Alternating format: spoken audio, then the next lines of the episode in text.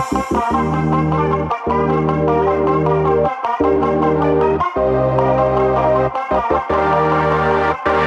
hey hey welcome to Hot Tea Fantasy Podcast. За манайха юу яцгаана? Бүгдэнд нь шинэ жилийн шинэ оны мэндийг хүргэе. За тэгээд 2021 оны Hot Tea Fantasy Podcast-ийн маань эхний дугаар хүрэхэд бэлэн болоод байна. За тэгээд 2020 он бол ер нь одоо ихэнх хүмүүсийн хувьд дэлхийн нийтээр л баг маш тийм онцгой жил болж өнгөрлөө.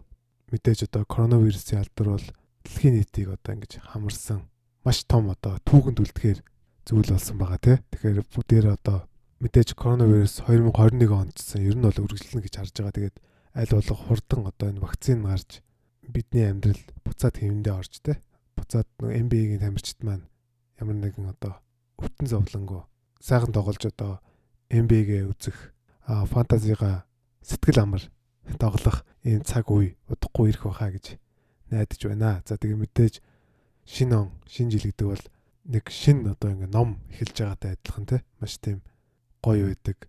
Тэгээд өнөөдөр бол 1 сарын 3-ны өдөр анхны подкастын дугаараар бичүүлэх гэж байна. За тэгээд энэ удаагийн дугаараар болохоор мэдээж өнгөрсөн 7 хоногт буюу одоо MB-гийн 2 дугаар 7 хоногт болсон фантазид нөлөөлөх үз одоо мэдээ мэдээлэл те гэмтэл хүртлийн мэдээллүүдийг ялангуяа хүргэдэг ийм одоо булан маань бол мэдээж явна. Энэ удаагийн 7 хоногт бас нэлээд олон одоо гэмтэл хүртлийн мэдээллүүд байла. Дээрээс нь одоо нөгөө ковидын халдвар ямар нэгэн одоо ковидтэй хүнтэй харьцаанд орсон бол те одоо нөгөө шинжилгээ авч одоо карантинлах лигийн одоо нөгөө протоколыг даах гэдэг одоо маш тийм хэцүү зүйлтэй болж байна. Тэгээд энэ удаад бол маш олон тоглогчид одоо тэр протоколын дагуу одоо тоглолтуудыг өндөж байна. Ялангуяа одоо Майкл Портер Жуниор те Лори Маккан тэгээд Булсийн бас хэдэн тоглогч нар байгаа гэдэг ч юм ингээд ингээд яхаар одоо энэ жилийн одоо фэнтези бол маш тийм сонин содон болж байна. Тэгээд өглөө ингээд босоод уцаа асаангуу те маш олон тоглогчид ингээд аут болж байгаа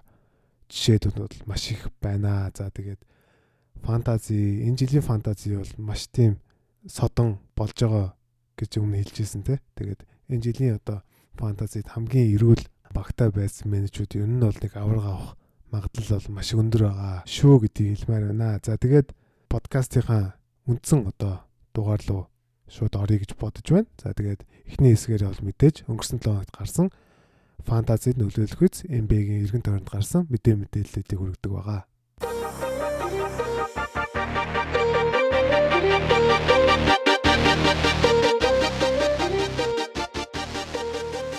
За тэгээд сайн өмнө хэлжсэн өнгөрсөн 7 хоногийн хувьд болохоор мэдээж маш олон гэмтэл эртлийн мэдээлэлүүд байлаа. Тэгээд мэдээж хамгийн ихний мэдээ бол Brooklyn Nets багийн хамгаалагч Spencer Dinwiddie баруун хөлнийхөө өвдөгний одоо ACL гэж ярьдаг. ACL-ийн шүрмсөө тасалсан тэгээ одоо сэмэлсэн байгаад хамгийн одоо хүнд гэмтлүүдийг бас мэдээж авсан. Тэгээд энэ үйлрэл бол season буюу одоо энэ үйлрэл нь одоо ингээд өнчгөр болж байна. Дараа үйлрэл бол эрүүл сарвал ирнэ гэсэн одоо ийм одоо мэдээллийг авсан байгаа. За тэгээд Spencer Dinwiddie-ийн хувьд бол маш харамсалтай хувь хүнийх нь тоглогчийн хувьд бол маш харамсалтай зүйл болж байгаа. Учир нь юм бол энэ үлрэл дуусаад нөгөө том гэрэгийн их жил нэсэн. Тийм учраас энэ үлрэл маш сайн тоглох шаардлагатай байсан боловч одоо ийм хүн гэмтлийг авсан учраас цаашдынх нь одоо карьерт нь ялангуяа цаашдынх нь одоо том мөнгө хийх замналт нь бол маш тийм сөргөөр нөлөөлж байгаа зүйл болсон байгаа. За тэгээ мэдээж одоо Brooklyn Nets багийн амжилт бол мэдээж яг уу Kyrie KD хоёр үнэхээр сайн байгаа гэсэн Spencer Dinwiddie-гийн нөлөө Spencer Dinwiddie-гийн одоо тэр хүч бол маш их байх ёстой байсан. Аврагын төлөө өрсөлдөхөд тэгэхээр ер нь бол маш их суларсан гэж харж байгаа. Тэгээд аврагын төлөө ялангуяа East-с гарч ирнэхэд ер нь хэцүү болчлоо гэж хувьдаа бол би бол дүгнж байгаа. За тэгээд мэдээж Spencer Dinwiddie бол энэ үйлрэл гараанд гарч исэн те. Тэгээд ер нь яг гоо тийм сайн биш байсан ч гэсэн сүүл рүүгээ ер нь дажиг болох байх гэж ер нь найдаж исэн. Тэгээд Spencer Dinwiddie-гийн гэмтлээс шалтгаалаад бол мэдээж ростерт өөрчлөлт орно те. Тэгээд Steve Nash-ыг ямар өөрчлөлт хийх бол гэж харж исэн. Ялангуяа би бол Landry Shamet-ыг бол хамгийн их минут тоглох байх, хамгийн их валын өсөх байх гэж харж исэн боловч одоо Timothy Lovovo Cabarrot гэх залуугийн минут value бол хамаагүй өссөн. Тэгээд Spencer Dinwiddie-г он гараанд гарсан. Тэгээд өөрөө хамгаалт бас сайтай тийм урт чадтай ийм тоглож учраас магадгүй гараанд гарсан их зөв шийдвэрээ олсон байх гэж бас бодож байгаа. Тэгээд яг хоо Лово Кабрати хувьд бол фэнтезид авахд ер нь яг боломжийн сонголт гэж харж байгаа. Ялангуяа тийм deep league-д бол 14, 16, 18 те 20 хүнтэй лигүүд бол ер нь бол их тийм боломжийн сонголт байгаа. Тэгээд сүүлийн статыг харах юм бол юу байсан? Тийм тогтвортой статыг ерөөс үзүүлэхгүй байсан.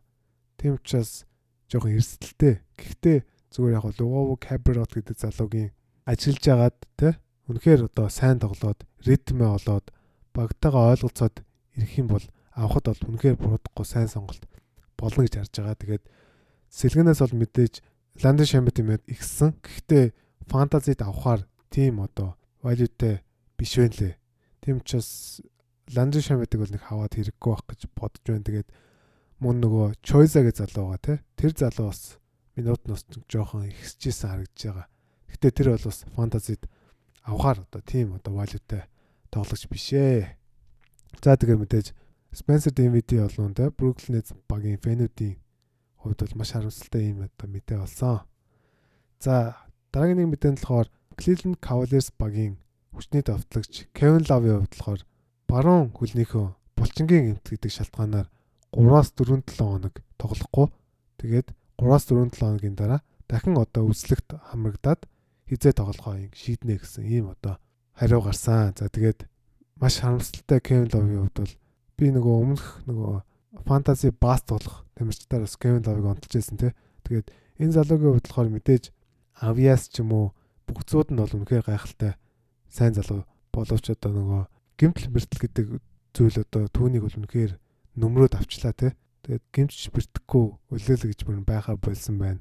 Дээрээс нь одоо түүний нөгөө mental health буюу одоо сэтгэл зүйн эрүүл мэндийн хувьд бол маш тийм асуудалтай байгаа. Тэгээд NBA-д ер нь хамгийн анх энэ одоо mental health-ийн тухай дуурсан. Mental health ер нь ямар чухал вэ гэдгийг энэ мэрэгжлийн тамирчинсан сэтгэл зүйн эрүүл мэндээр хэцүү шаналж явдгийг анх удаа ер нь баг дуурсан. Демар дөрөөсөн тэр хоёр анх удаа гэж одоо дуурсан.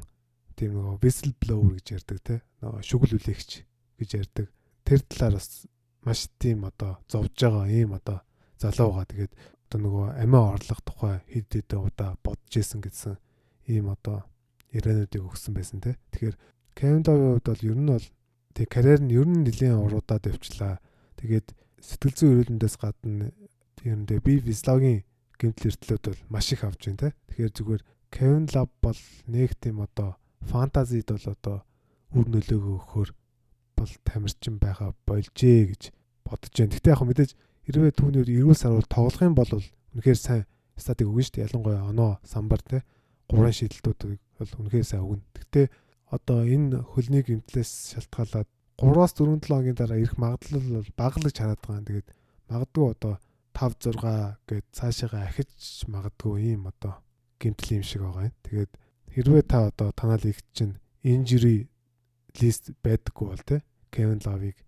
хаяад өөр хүнийг аваарай гэж зөвлөх байна. Ер нь бол улирал одоо цөөхөн тоглолттой болж байгаа. Тийм учраас ийм урт хугацааны гэмтэлтэй тамирчид ингээд аваад ингээд байлгаад байх юм бол ер нь бол тийм улирал хурдан дуусах өмнөхөөсөө илүү хурдан явагдаж байгаа учраас би бол Kevin Love-ыг бол байлгаад байхгүй байх гэж бодож байна хэрвээ injury list байхгүй бол тэм учраас Kevin Love-ыг ер нь баг хайцсан дээр гэж өдөө бодоод байгаа. За Kevin Love-ийн эзэгүүд бол мэдээж хамгийн валин өсөж байгаа тамирчин бол Larry Nance Jr. байгаа тий. Larry Nance Jr.-ийн хувьд бол түүний одоо тэр үн цэн нь бол үнэхээр одоо дээшээ хатаад ирсэн байгаа. Учир нь яг дөрв дээр түүнээс илүү тоглох тамирчин байхгүй. Тэгээд өөрөө ч ажгүй сайн тоглогч. Тэгээд сүүлд одоо Kevin Love-ыг гимтснээс хойш хоёр тоглолж байна уу?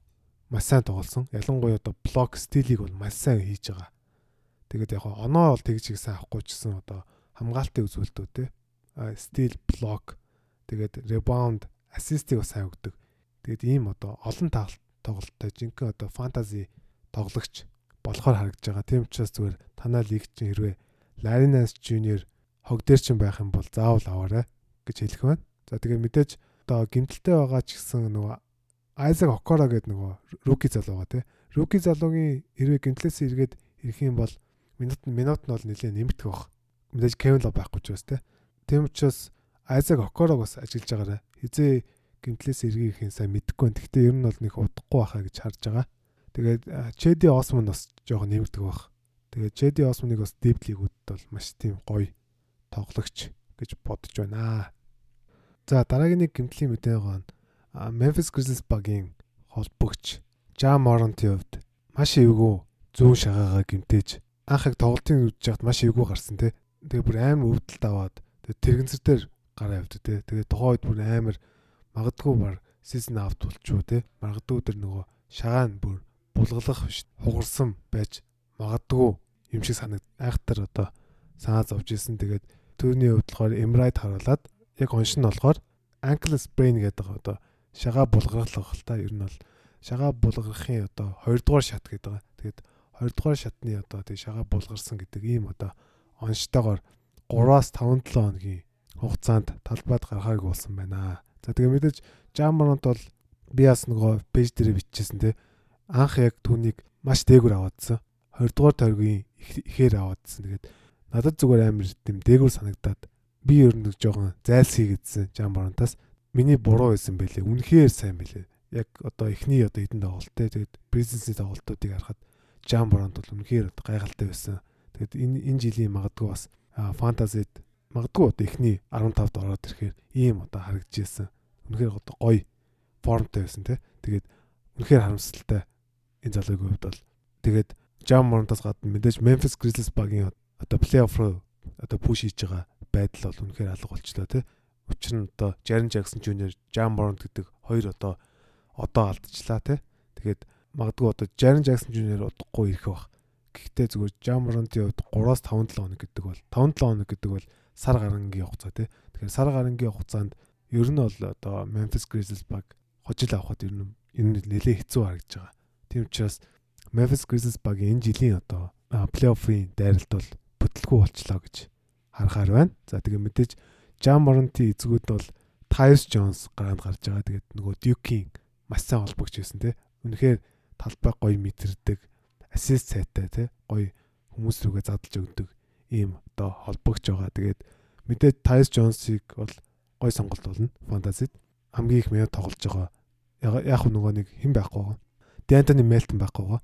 Мелтонгийн хувьд болохоор нөгөө нөгөө лигийн протоколын дагуу бас карантинлэгдээд ингээд бас заваа юм болоод байгаа. За тэгээд Тайс Джонс бол мэдээж ассист хэрэгтэй, стил хэрэгтэй хүнд бол аваарай гэж одоо зөвлөх байна. Ялангуяа ассистыг бол үнэхээр илээд хэмжээнд өгдөг ийм одоо залууга. За тэгээд Дэнтони Мелтон ороод ирэхээр магадгүй Тайс Джонсын минут бол мэдээж багасгах бах. Зүгээр Дэнтони Мелтон гэдэг залуу бол үнэхээр хамгаалт тоглоонд бол жигд ялангуяа хамгаалтанд бол үнэхээр сайн тоглогч. Тийм учраас тийм урт хугацааны вайли бол байхгүй хаа гэж харж байна. А тэгээд мөн түүний гэмтээс шалтгаалаад нөгөө Desmond Bain гэдэг залуу бас нэлээд сайн тоглож байгаа юм байна лээ. Гэхдээ би бас түүнийг одоо аваарай гэж бас зөвлөхөд бас яг мэдэхгүй байна сайн тэр залуугийн тоглолтыг яг гоо диблигүүд бол те авахд бол буруудахгүй бас дажгүй үзүүлэлтүүд үзүүлж байгаа харагдж байна лээ. За дараагийн нэг мэдээ нь болохоор Indiana Pacers багийн товтлогч TJ Warren-ийн хувьд зүүн хөлнийх хоо ясыг цувсан гэдэг гэсэн ийм одоо мэдээ гарсан. Тэгээд түүний хувьд болохоор одоогор ямар нэгэн хугацаагүй хугацаагүйгээр тоглохгүй гэсэн ийм одоо мэдээлэл гарсан байна. За тэгээд мэдээж TJ Warren-ийн хувьд болохоор одоо бабл бол үнэхээр гайхалтай байсан те тэгээд маш олон хүмүүс энэ жилийн одоо фэнтези драфтд бол түүнийг нэлээд дээгүүр авч ирсэн. Ялангуяа одоо SF хэрэгтэй хүмүүс бол 5 6-аар авч ирсэн харагдж байгаа. Тэгэхээр би бол хувьдаа бол аль болох TJ Warren-аас л зайлсхийж ирсэн байгаа. За тэгээд миний хувьд бас зөв шийдвэр байсан нь бол одоо ингээ харагдаж байна. Тэгээд мэдээж одоо гимтэл бэртэл бол үнэхээр хинч таашгүй те ийм одоо ийм учраас TJ Warren-ы өөрийн хувьд болохоор маш тийм харамсалтай зүйл байсан. Ялангуяа одоо маш сайн тоглож байгаа энэ үед нь одоо ийм хүн гэмтэл авна гэдэг бол тамирчны хувьд бол маш тийм онцгүй гэмтэл байла. За тэгээ мэдээж түүнийг одоо гэмтснээр одоо фэнтези вайлын өсөх тамирчид бол мэдээж гурван тамирчин би одоо онцлмоор байна. За хамгийн түрүүнд болохоор TJ Warren гэмтснээр Aaron Holiday гараанд гарснаар гарааны эрхээ одоо авсан байгаа. За тэгээ түүний хувьд болохоор мэдээж холбогч хийдэг те Брогдон илүү хоёр луу гарч те олон типээ гурав луу гарч ингэж одоо тоглож байгаа харагдж байна лээ. Тэгээд Aaron Holiday ер нь яг хад ажгүй байна лээ. За тэгээд мэдээж хамгийн одоо валь нөсөх тамирчид бол Holiday-гийн Энэ одоо ах нь илүү дүү нөлөө. Нөгөө Justin Holiday гэдэг дүү нуха. Justin Holiday гэдэг яг одоо SF-ийн байрлалын энэ залуугаа. Тэгээд энэ залуугийн хувьд бол минут нөсөж байгаа. Дээрээс нь их сайн тоглож байгаа харагдаж байгаа. Ялангуяа одоо стилийг бол сайн хийдэг те. Тэгээд гураа шиддэг, оноо авдаг, стил хийдэг. Энэ залуугийн хувьд бол энэ гурван үзүүлэлт хэрэгтэй менежүүд байх юм бол түүнийг бас аваарай гэж одоо зөвлөж байна. За тэгээ мэдээж мөн Даг Мактермотийн хувьд бол бас минут нөсөж байгаа. Гэтэ яг Даг Мактермот бол цэвэр шидэгч те оноо түүхч ийм одоо залууга. Тэм учраас зүгээр гурван шидэлт хэрэгтэй те оноо хэрэгтэй. Ийм хүмүүс байх юм бол Даг Мактермотыг авахд бас буруудахгүй хаа гэж бодож байна. За тэгээд миний хувьд бол хамгийн вайл нөсөж байгаа зүгээр бас одоо хогноос авал авчгаар тамирчсан нь бол Justin Holiday байгаа. За дараагийн нэг мэдээнд болохоор Атланта Hawks багийн давтлагч Данила Галинаригийн хувьд баруун шагаагаа гимтээснээр 2-7 хоногийн хугацаанд тоглох боломжгүй болсон байгаа. За тэгээд 2-7 хоногийн дараа дахин үзүүлээд хизээ тоглохоо шийднэ гэсэн ийм одоо мэдээллийг багийн зүгээс өгсөн. За тэгээд Галагийн хувьд бол уул нэлийн хүлээлттэй нэлийн өндөр цалинтай ирсэн те. Тэгээд сэлгэнээс одоо хамгийн голд оноо төвөгчээр ирсэн бол одоо үлээлэхлээд ийм одоо гимтэл авлаа. Тэгээд гэхдээ яг хүнд гимтэл бол биш юм шиг байна. Тийм учраас галотой менежүүд байх юм бол бас нэлээд тийм хэцүү хаяхаа үгүй юу гэдэг хэцүү сонголтон дээр тулгарч байгаа баха гэж бодож байна. Тэгээд хэрвээ одоо те инжири лист байхгүй байх юм бол бас хаяад өөр тоглож авахд бас буруудахгүй баха гэж би бол хувьдаа бодож байгаа. За тэгээд галогийн гимтлээс шалтгаалаад бол мэдээж Камер ядаж болон Диандре Хантер хоёрын минут вали бол үнэхээр өсөх нь тодорхой. Ялангуяа одоо Диандре Хантрийн хувьд болохоор энэ үйлрэл бол үнэхээр сайн байгаа. Тэгээд хамгаалт давталгаа бол үнэхээр гоё байгаа. Тэгээд яг гоо мэдээж Хантрийн хувьд бол хамгаалтаар үнэлэгдэж орж ирсэн анх драфтын 4 билүү 3-аар сонгогдсон шүү дээ. Тэгээд одоо л яг одоо нөгөө тэр хүсэн хүлээж ирсэн одоо тий багийн түүнээс хүсэж байгаа зүйлийг өгж байгаа харагдаж байгаа. Тэгээд дээрэс нь гурван шийдэлт бол маш сайн унаж байгаа. Тийм ч бас зүгээр Диантоны хантар хэрвээ танаа хог дээр ч юм байх юм бол те заавал аваарай гэж өдөө зөвлөж байна. Тэгээд мөн камер эдиш бол үнэхээр одоо сайн оноод өгчтэй. Үнэхээр гоё тоглогч. Тэгээд бас түүний одоо фэнтези вали бол өсгөн тодорхой. Тэгээд үнэхээр сайн тоглож байгаа тэр хоёр. Тийм учраас энэ хоёр одоо хог дээр ч юм байх юм бол те SF эрэхтэй хүмүүс байх юм бол те оноо авдаг, гураа шиддэг. Тэгээд хамгаалтын үзүүлэлтүүд ялангуяа Диантоны хантраас нэлийн эрхэн тодорхой. Тийм учраас энэ хоёр тоглогчийг ер нь SF эрэхтэй хүн байх юм бол заавал аваарай гэж одоо зөвлөж байна. За дараагийн нэг мэдээнд болохоор удахгүй гимтлээсээ ирэх Кристафс Порзингсийн талаар шинэ мэдээ гарсан байна. За тэгээд Рик Карлайл дасгалжуулж хэлэхдээ түүнийг одоо нөгөө 5-9 5 бэлтгэл оролцоод эхэлсэн. Тэгээд ер нь ирэх 2-7 хоногийн хугацаанд буцаа талбай дээр гарнаа гэсэн юм одоо сайн мэдээг өгсөн байгаа. За тэгээд Кристаус Борзингсийг одоо хадгалж байсан те хүмүүс одоо менежүүд маань түүний одоо нөгөө гайхалтай статыг удахгүй авах нь байна гэдэг ийм одоо баяртай мэдээ байна. За тэгээ мэдээж Борзингс ирэхээр бол те Макси Клипа, Паул те Великоли Штайны минутууд бол мэдээж буурхан тодорхой. Тэгвэл Борзингс ирэх нь бол үнэхээр одоо багт бол үнэхээр хэрэгтэй ийм одоо зүйл болж байна. За дараагийн мэдээнд болохоор яг мэдээч гэж энэ бол маш олон хүмүүс надаас асууж байгаа нэг юм зүйл байгаа. Энэ нь болохоор Хасан Whiteside-ийн хувьд яах вэ гэдэг ийм одоо асуудал бол Хасан Whiteside-ийн авсан менежүүдийн хувьд бол маш тийм толгойн өвчин болж байгаа харагдаж байгаа. За тэгээд Whiteside бол үнэхээр тоглохгүй байгаа. Ялангуяа одоо Luke Walton дасгалжуулагч бол Rishon Holmes-д бол гарааны эрхээ өгцөн те хамаг минут өгөөд байгаа. За тэгээд Whiteside-ыг ер нь яагаад авсан гэдэг дээр би бол үнэхээр ойлгохгүй байгаа. Тэгээд Rishon Holmes Марон Багли гэдэг энэ хоёр одоо ирээдүйдээ хоёр залуу байхад Whiteside дээр яах гэснийг бол үнэхээр би одоо ойлгоогүй. Энэ солилцоог бол тэгээд Whiteside-ыг бас дратаар хүмүүсийг дээгүр аваадсныг би бас ойлгоогүй. Ер нь бол зүгээр Sean Holmes, Whiteside хоёрын хэн илүү тамирчин бэ гэх юм бол Holmes бол хамаагүй илүү илүү тамирчин ер нь бол довтлогоо хамгаалалт за яг блок л Whiteside илүү баг. Тэрнээс бусад зүйлсээр те багт хэрэгтэй нөлөөллөөр байх юм бол ер нь бол Холмс бол хамаагүй сайн тамирчин. Тийм учраас Whiteside Холмс дарагддаг нь бол үнэхээр харахгүй бах гэж одоо бодож байгаа. Тэгэхээр түүний хувьд бол одоо солилцоо хийн гэж одоо байхгүй бах та баг. Тэгээд Whiteside-ыг авсан авсан хүмүүс те Whiteside багт нь байгаа хүмүүс яахаа мэдэхгүй байгаа хүмүүс бол би бод хаяарэ гэж одоо зөвлөж байна. Эрдэн хаяад өөр хүнээр аваад яваарэ гэж одоо зөвлөж байна. За тэгээд хэрвээ одоо те хоолмос баглигийн гимтэхгүй л бол түнд бол минут бол бараг л олдохгүй бах гэж харж байгаа. Тийм учраас white side-ыг асуусан хүмүүсээ те түүнийг хаяарэ гэж одоо зөвлөж байна. За тэгээд эхний хэсэг маань энэ хүрээд өндөрлөж байна. Иймэрдүү одоо гинтл бэртэл болон янз бүрийн мэдээ мэдээллүүд байла. Фантази хэрэгтэй. За тэгээд хоёрдугаар хэсгээрээ мэдээж дараа 7 хоногийн буюу MB-гийн 3 дугаар 7 хоногийн талаар прогнозоо хийдэг байгаа. За шууд тэр хэсэг рүү орё. За MB-гийн одоо 3 дугаар 7 хоног эхлэх гэж байна те. 2 7 хоног эхэлсэн манай одоо фэнтези менежмент маань ялагдал ялагдaltaй олон ийм одоо 2 7 хоногийн өнгөрөөлөө. За 3 дугаар 7 хоногийн хувьд болохоор багуудын тоглолтын хуваарийг харах юм бол 4 тоглолттой 22 баг, 3 тоглолттой 8 баг байгаа гэсэн ийм одоо хуваартай байгаа юм байна. Тэгээд ямар нэгэн 5 тоглолттой ч юм уу 2 тоглолттой цөөн болон баг тоглолттой багууд бол байхгүй ийм одоо тэнцүү хуваартай байх нь. Тэгээд 4 тоглолттой 22 баг гэдэг бол те МБ-гийн 3 дугаар 7 хоног бол нэлээд олон тоглолттой ийм одоо 7 хоног болж өнгөрөх нь. За тэгээд 3 тоглолттой 8 багийн танилцуулахад Atlanta Hawks, Dallas, Pacers, Grizzlies, Pelicans, Suns, Blazers, Wizards гэдэг 8 баг юм байна. За тэгээ үлдсэн 22 баг нь болохоор мэдээж одоо бусад багууд байж таарна. За дараа 7 хоногийн нөгөө back to back буюу одоо дараас нь тоглолтуудтай өдрүүдийг харах юм бол нэгдгээс хоёр дахьд болохоор ямар нэгэн дараас нь тоглолт байхгүй юм байна. Хоёр дахьоос гурав дахьд болохоор Bulls, Clippers, Jazz гэдэг гурван баг байгаа юм байна. За тэгэхээр мэдээж Kawhi Leonard бол нэгэнд нь амарч цаарах нь те. За тэгээд 3 дахьаас 4 дахьд болохоор Cavs Sixers гэдэг хоёр баг байгаа юм байна. За тэгэхээр мэдээж одоо Joel Embiid бол магадгүй нэгэнд нь амарч таарна те. За тэгээд 4 дахьаас 5 дахьд болохоор Nets, Lakers, Grizzlies гэдэг ийм одоо гурван баг байгаа юм байна. За тэгэхээр мэдээж Kyrie, KD хоёр баг амарч таарах бах. Тэгээд Lakers-ээс бол магадгүй AD, LeBron тэн нэг нь бол амарч магадгүй бах гэж хувьдаа бодож байна.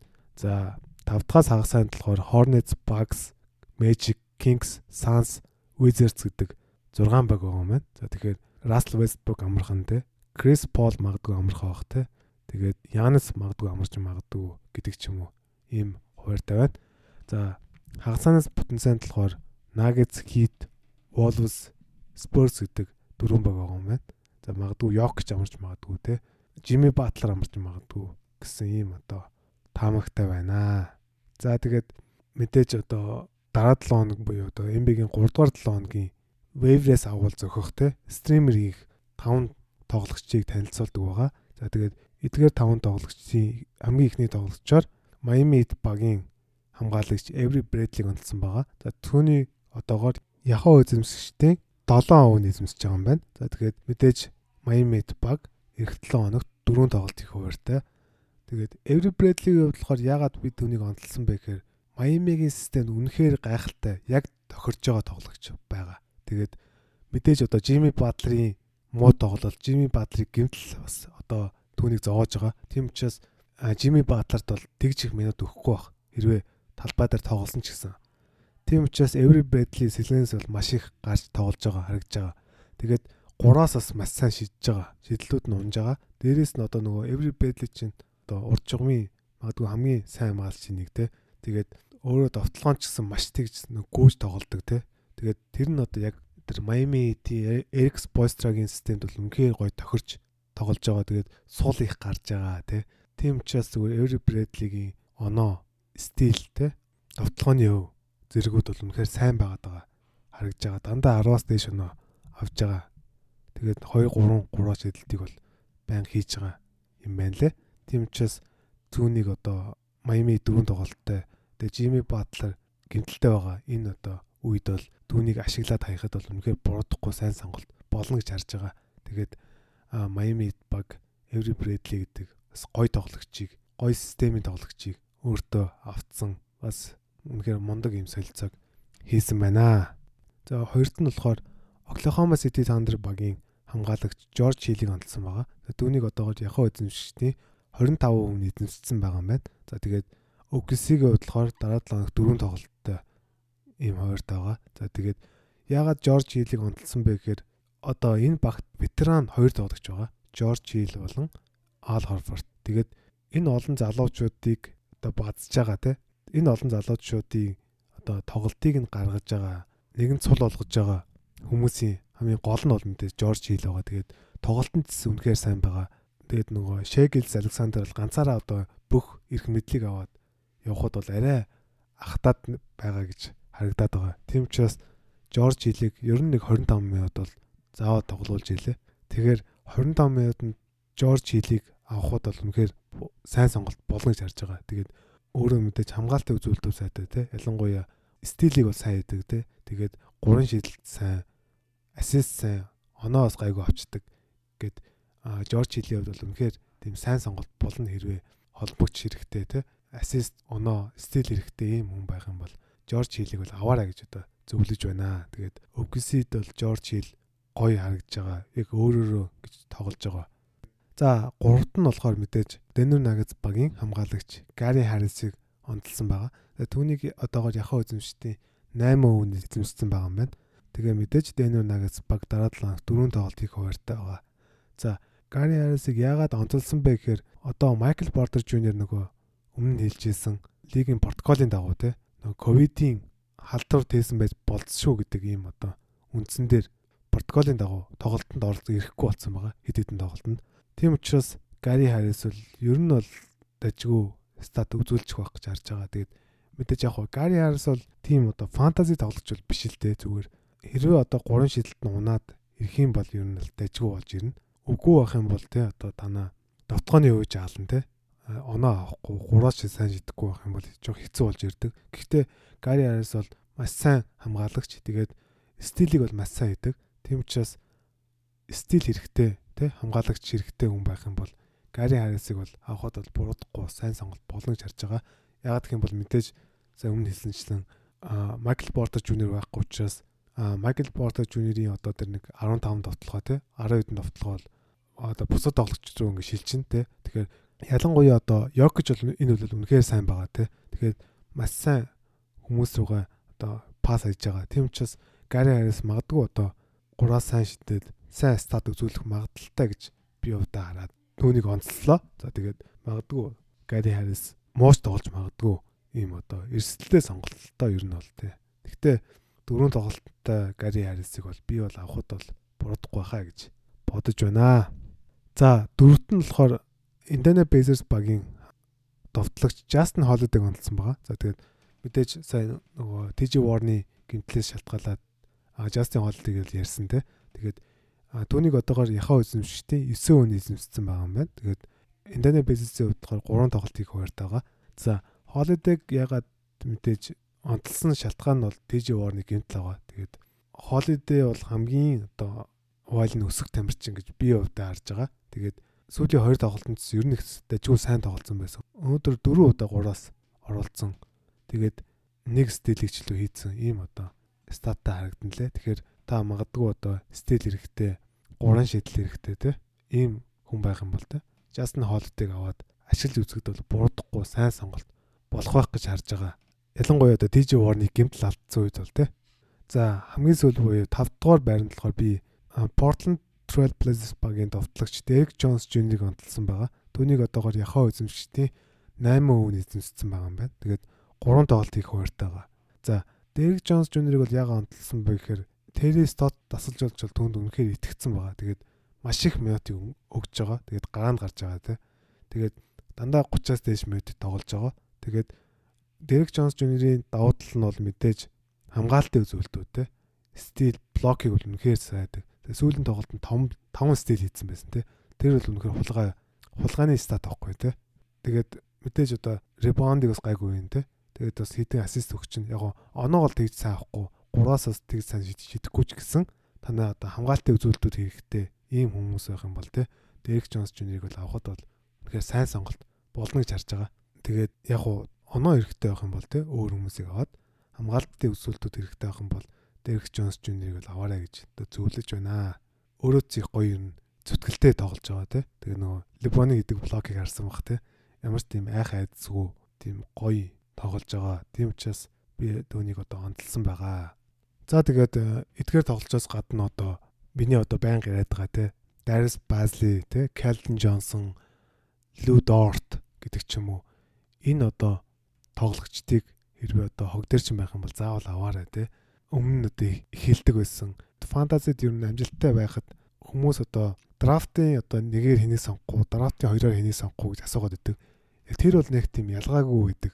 Учир нь юм бол драфтын нэг хоёроор бол дандаа тийм сайн тамирчд байдаг учраас нэг тийм чанарын ялгаа бол нэг байдаггүй байгаа. Тэгвэл ямар тоглогчтой байга босгоно гэдэг чинь өөрөө бас өөр л дөө тий. Тэрнээс одоо энэ дутуу үнэлэгдэж байгаа слиперүүд бол танаа фантазиг чинь амжилттай байхын хамгийн гол үндэс байдаг. Тийм учраас одоо юу гэдгийг Крис Бушер те энэ Дайс Байсли, Калден Джонсон, Лу Дорт өөр хин байна гэдэг олон тоглогчтой байна те. Хинэж мэдэхгүй одоо эдгээр тамирчид одоо ингэж цойлж гарч ирдэг нь одоо жил болгон тохиолддог те. Тэгэхээр аль болох хурдан эдгээр тоглогчдыг шүүрж авахгүй бол те. Бусад одоо өрсөлдөгч нар чинь авчих магадaltaй учраас байнгын одоо ингэж мэдээ мэдээллийг сайн харж те. Статуудыг харж фантазидаа цаг гаргаж иж ер нь бол амжилтыг дагуулдаг байгаа тий. Тийм учраас та бүхэн одоо фантазидаа бас цаг гаргаарай тий. Тэгээд бас нэлээд олон одоо юу гэдгийг фантазиг мартаад нөгөө тоглогчтой одоо гаан гарахгүй сэлгэн суулгацсан явдал бол маш их байдаг тий. Тийм учраас 7 хоног эхлэхэд л тий бүтэн нэг 7 хоногоо бүгднгийн тоглогчтой өрчгөлдөө тий хэрвээ та үнэхээр завгүй байх юм бол тий. Тэгээд аль болох ер нь фантазидаа цаг гарахыг ер нь хүсэж जैन тий. За тэгээд ер нь энэ удаагийн дугаар энэ өрөөд өндөрлөж байна. За тэгээд энэ хүү хийж байгаа подкаст маань таалагдж байгаа гэж найдаж байна. Тэгээд сонсож байгаа платформуд дээр subscribe болон одоо одоо өгч тэ туслаарай гэж одоо хэлэх байна. Тэгээд аль болох олон хүмүүсийг одоо энэ фэнтези гэдэг тоглоом, фэнтези гэдэг энэ соёлд оруулах нь бол үнэхээр миний одоо бас нэг том ажил байх гэж удаа бодож байгаа. За тэгээд аль болох шин соргог гоё мэдээллүүдийг подкастаар болон пэйжээрээ хүргэнэ гэж одоо хэлэх байна. За тэгээд энэ удаагийн дугаар энэ өргөд өндөрлөж байна. За тэгээд дараагийн дугаараар уулзлаа. Түр баяр та. Peace out.